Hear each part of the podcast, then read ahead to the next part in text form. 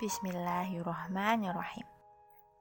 Assalamualaikum warahmatullahi wabarakatuh, sahabat muslimah semuanya.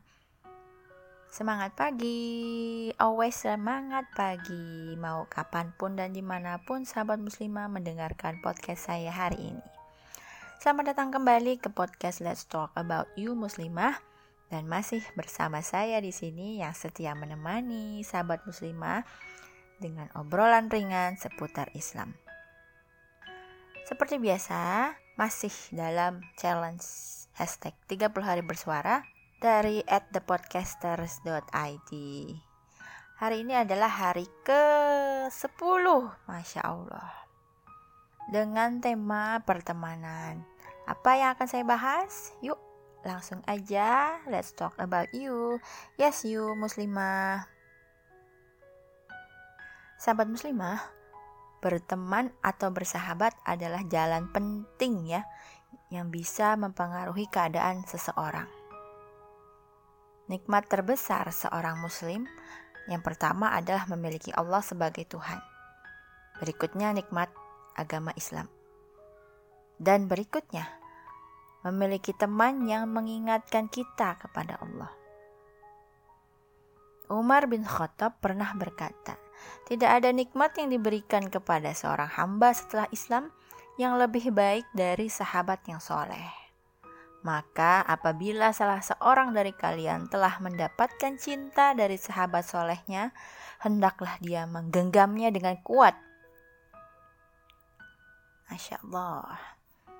Imam Syafi'i juga bilang, apabila engkau memiliki sahabat yang senantiasa mengingatkanmu pada ketaatan, genggamkanlah kedua tanganmu erat-erat kepadanya. Karena mendapatkan sahabat itu sulit, sedangkan meninggalkannya itu mudah. Diriwayatkan bahwa apabila penghuni surga telah masuk ke dalam surga, lalu mereka tidak menemukan sahabat-sahabat yang selalu bersama mereka dulu di dunia, maka bertanyalah mereka tentang sahabat-sahabat itu kepada Allah. Ya Rob, kami tidak melihat sahabat-sahabat kami yang sewaktu di dunia sholat bersama dengan kami, puasa bersama kami, dan berjuang bersama kami. Maka Allah berfirman, Pergilah ke neraka, lalu keluarkan sahabat-sahabatmu yang di hatinya ada iman walau hanya sebesar zarah. Hadis riwayat Ibnul Mubarak. Masya Allah ya sahabat muslimah. Kalau benar persahabatannya, maka akan ada banyak ilmu, hikmah, dan manfaat yang bisa kita petik. Tapi kalau salah cara dan sosok bertemannya, maka percikan kesalahan itu juga akan menimpa kita. Banyak orang yang terjerumus ke dalam lubang kemaksiatan dan kesesatan karena pengaruh teman yang salah. Tapi nggak sedikit orang yang dapetin hidayah dan banyak kebaikan karena bergaul dengan teman-teman yang soleh. Dalam sebuah hadis, Rasulullah bersabda, Permisalan teman yang baik dan teman yang buruk ibarat seorang penjual minyak wangi dan seorang pandai besi. Penjual minyak wangi mungkin akan memberimu minyak wangi atau engkau bisa membeli minyak wangi darinya. Dan kalaupun tidak, engkau tetap dapat harum darinya. Sedangkan pandai besi bisa jadi percikan apinya mengenai pakaianmu. Dan kalaupun tidak, engkau tetap dapat bau asapnya yang tak sedap. Hadis riwayat Bukhari dan Muslim. Jadi Rasulullah tuh menyarankan kita umat Islam, umat Muslim, pinter pilih-pilih teman. Karena bisa memiliki pengaruh besar dalam pembentukan pemikiran dan perasaan kita. Bahkan mungkin karakter kita bisa. Hadis ini mengandung makna bahwa paling enggak ada dua kemungkinan kalau bersahabat dengan teman yang baik. Kita bakal jadi baik atau minimal kita dapat kebaikan teman kita. Begitu juga sebaliknya, ada dua kemungkinan kalau bersahabat dengan teman yang enggak baik. Jadi ikut enggak baik atau minimal kita kena dampak negatif dari teman yang enggak baik tersebut. Nah, berikut ini ada bentuk-bentuk persahabatan. Yang pertama, ta'arufan. Persahabatan yang terjalin karena pernah berkenalan secara kebetulan. Seperti pernah ketemu di kereta api, halte, rumah sakit, uh, kantor pos, ATM atau yang lainnya. Kedua, tarihan. Persahabatan yang terjadi karena faktor sejarah. Misalnya teman sekampung, suatu alma mater, pernah kos bareng-bareng, diklat bersama, dan sebagainya. Yang ketiga, ahamiyatan. Persahabatan yang terjalin karena faktor kepentingan tertentu. Seperti bisnis, politik, boleh jadi juga karena ada maunya dan sebagainya. Bentuk keempat, farihan. Persahabatan yang terjalin karena faktor hobi, kayak teman futsal, teman olahraga, teman mancing gitu dan sebagainya.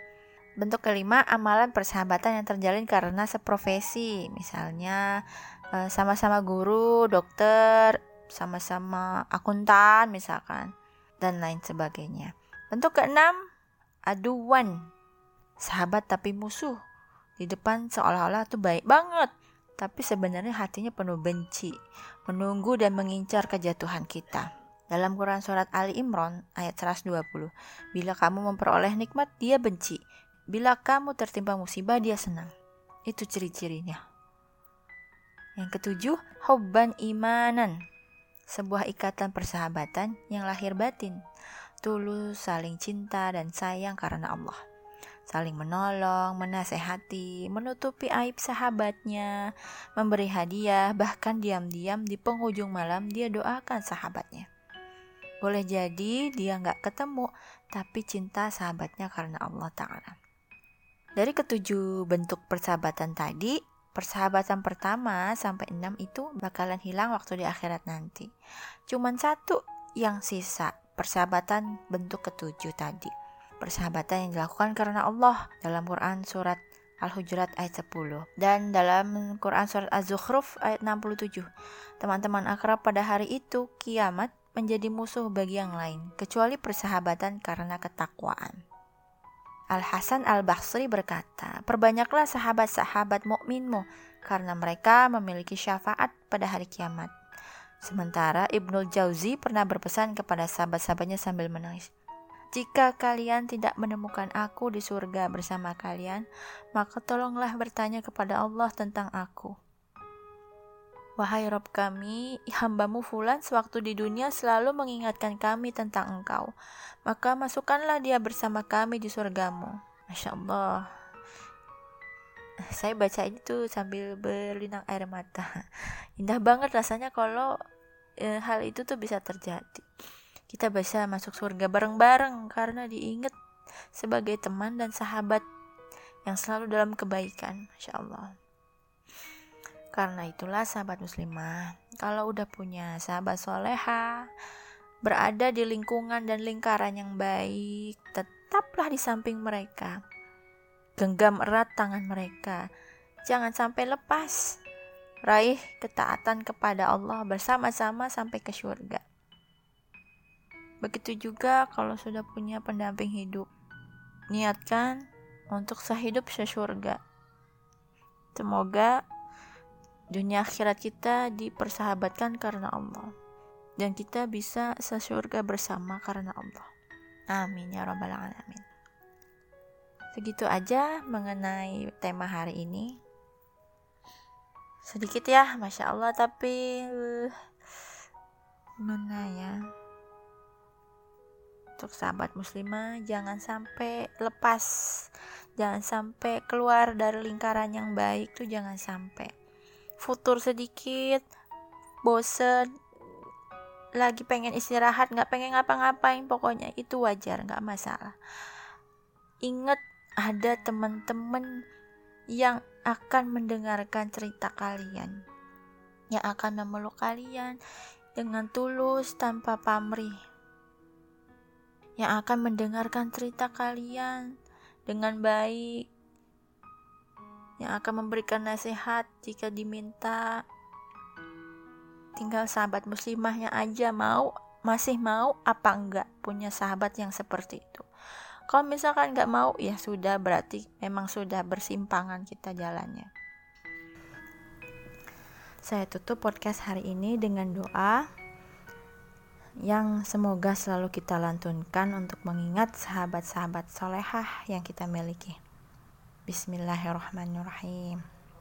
اللهم إنك تعلم أن هذه القلوب قد اجتمعت على محبتك والتقت على طاعتك وتواحدت على دعوتك وتعاهدت على نصرة شريعتك فوثق اللهم رابطاتها وأدم مدها واحدها سبولها واملأها بنورك الذي لا يخبو واشرح صدورها بفيد الإيمان بك وجميل التوكل عليك وأحيها بمعرفتك وأمتها على الشهادة في سبيلك إنك نعم المولى ونعم